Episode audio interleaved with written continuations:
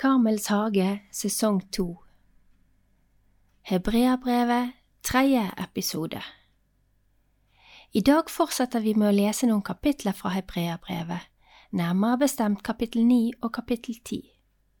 Tema Jesus som ypperste prest, den gamle pakts ufullkommenhet og Kristi fullkomne prestedømme beskrives utførlig i kapittel ni. Vi blir igjen minnet på det som også var tema i vår foregående lesning, nemlig det at det kun er Jesu offer som kan ta bort menneskets synd på noen permanent måte. Det som i den gamle pakt var tempelets aller helligste, kan kun se på, ses på som en skygge av den himmelske helligdom, der Jesus trer inn med sitt fullkomne offer. Men vi må ikke glemme at dette offeret ble etterfulgt av oppstandelsen. Offer, lidelse og oppstandelse, forløsning, henger sammen.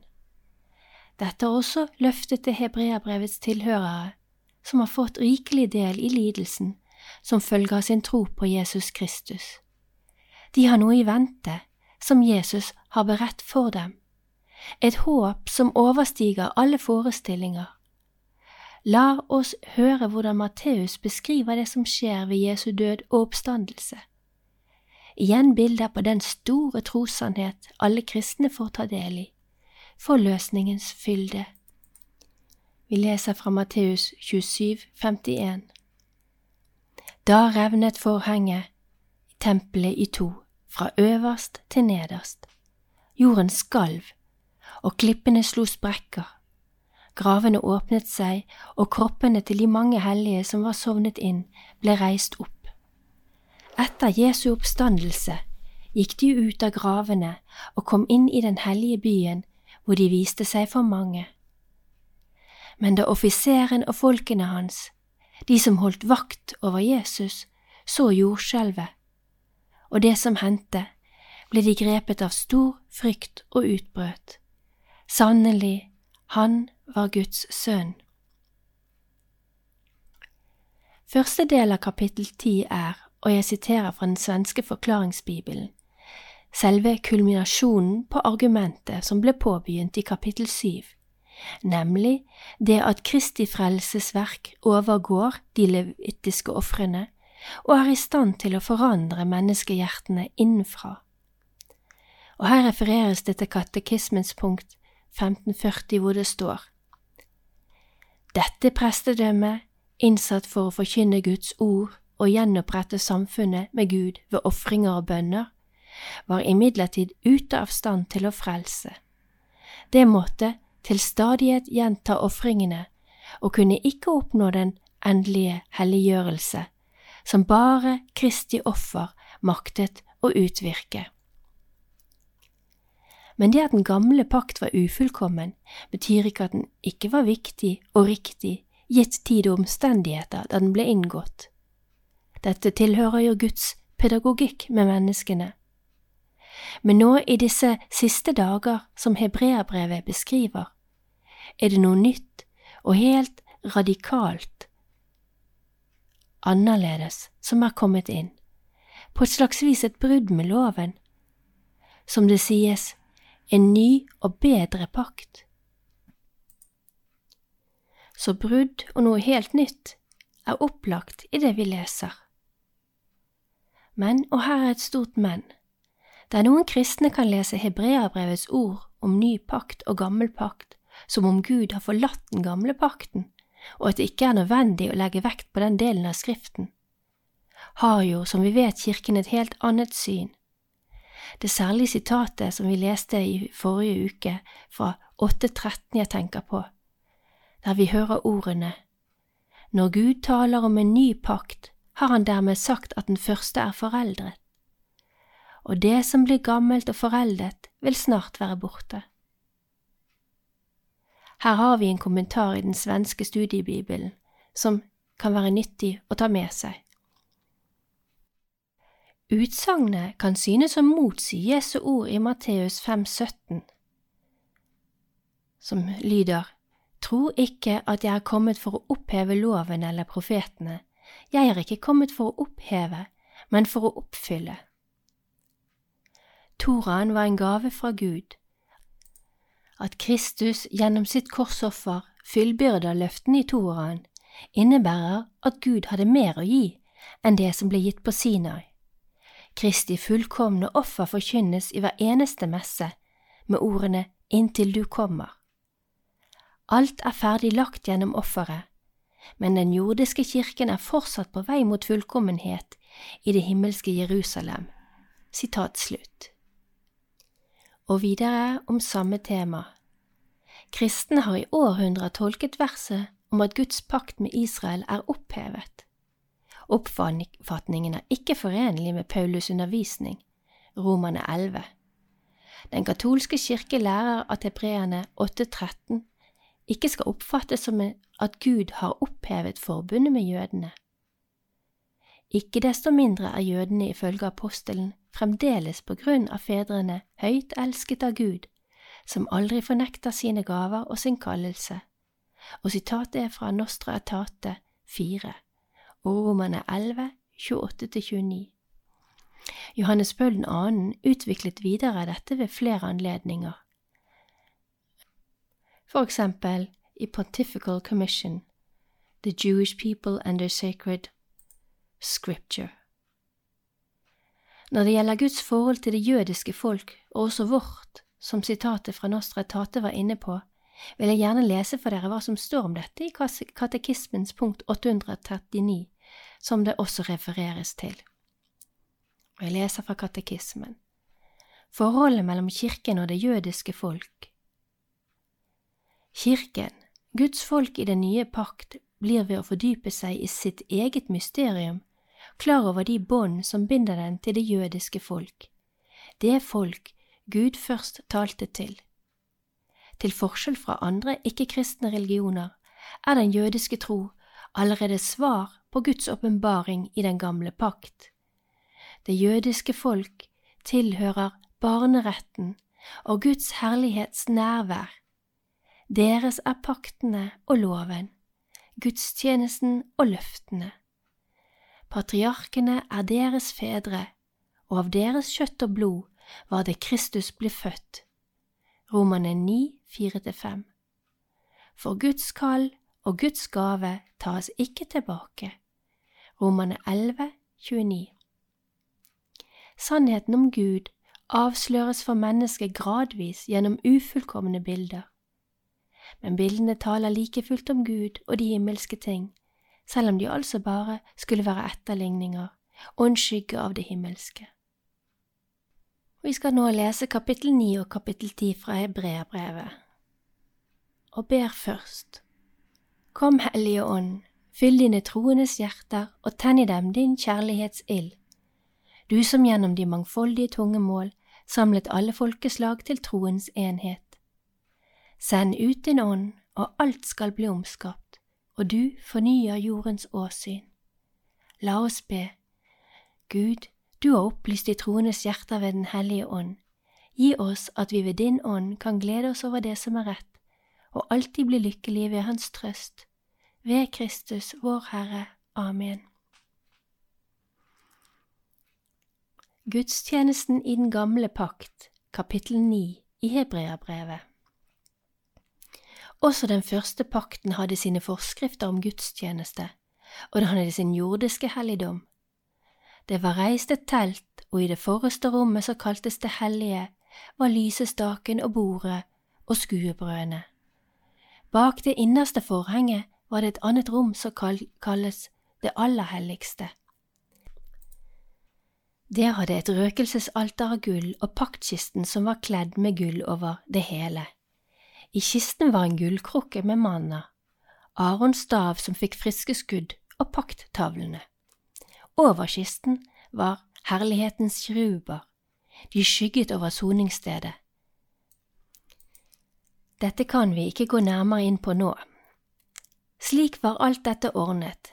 I det forreste rommet går presten stadig inn når de skal utføre tjenesten, men i det andre går øverste presten inn alene og bare én gang om året, og aldri uten blod som han bærer frem for seg selv og for alle synder folket har gjort, uten å vite det.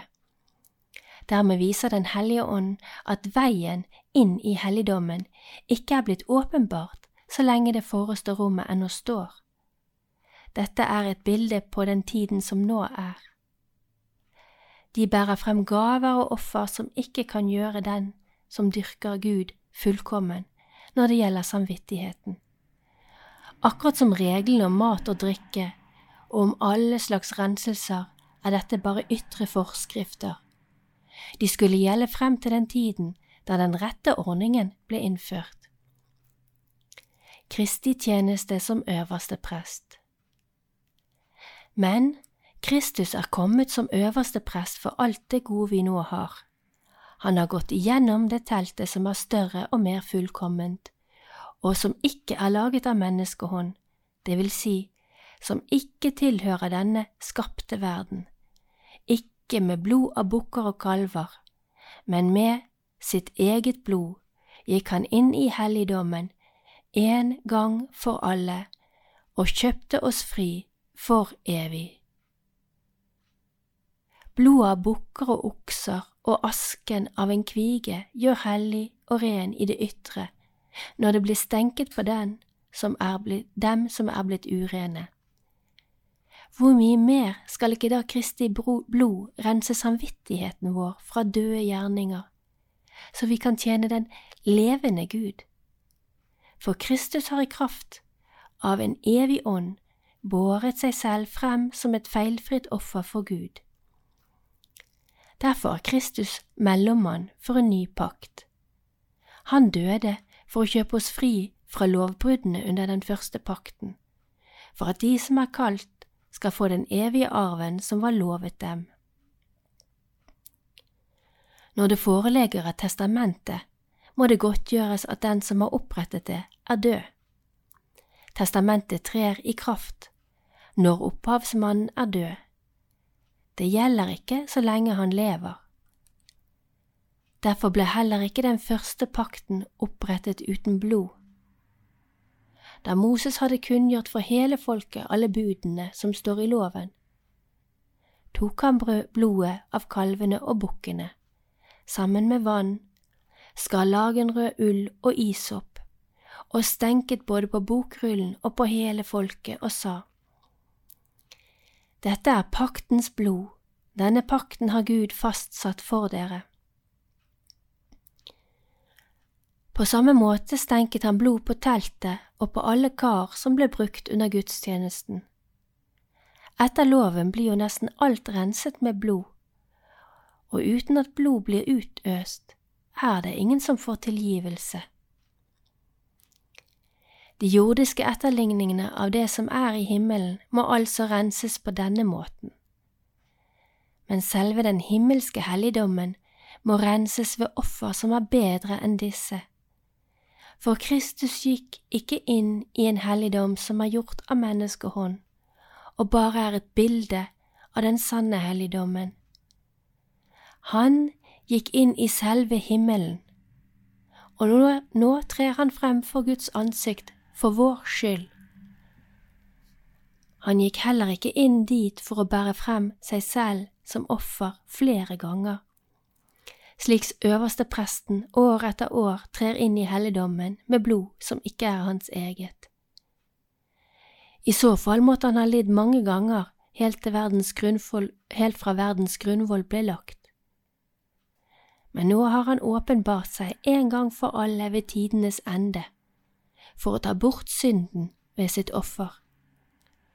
Slik alle mennesker må dø én gang og siden komme for dommen, slik er også Kristus ofret én gang for å bære syndene for de mange, og siden skal han for annen gang komme til syne, ikke for syndens skyld, men for å frelse dem som venter på ham.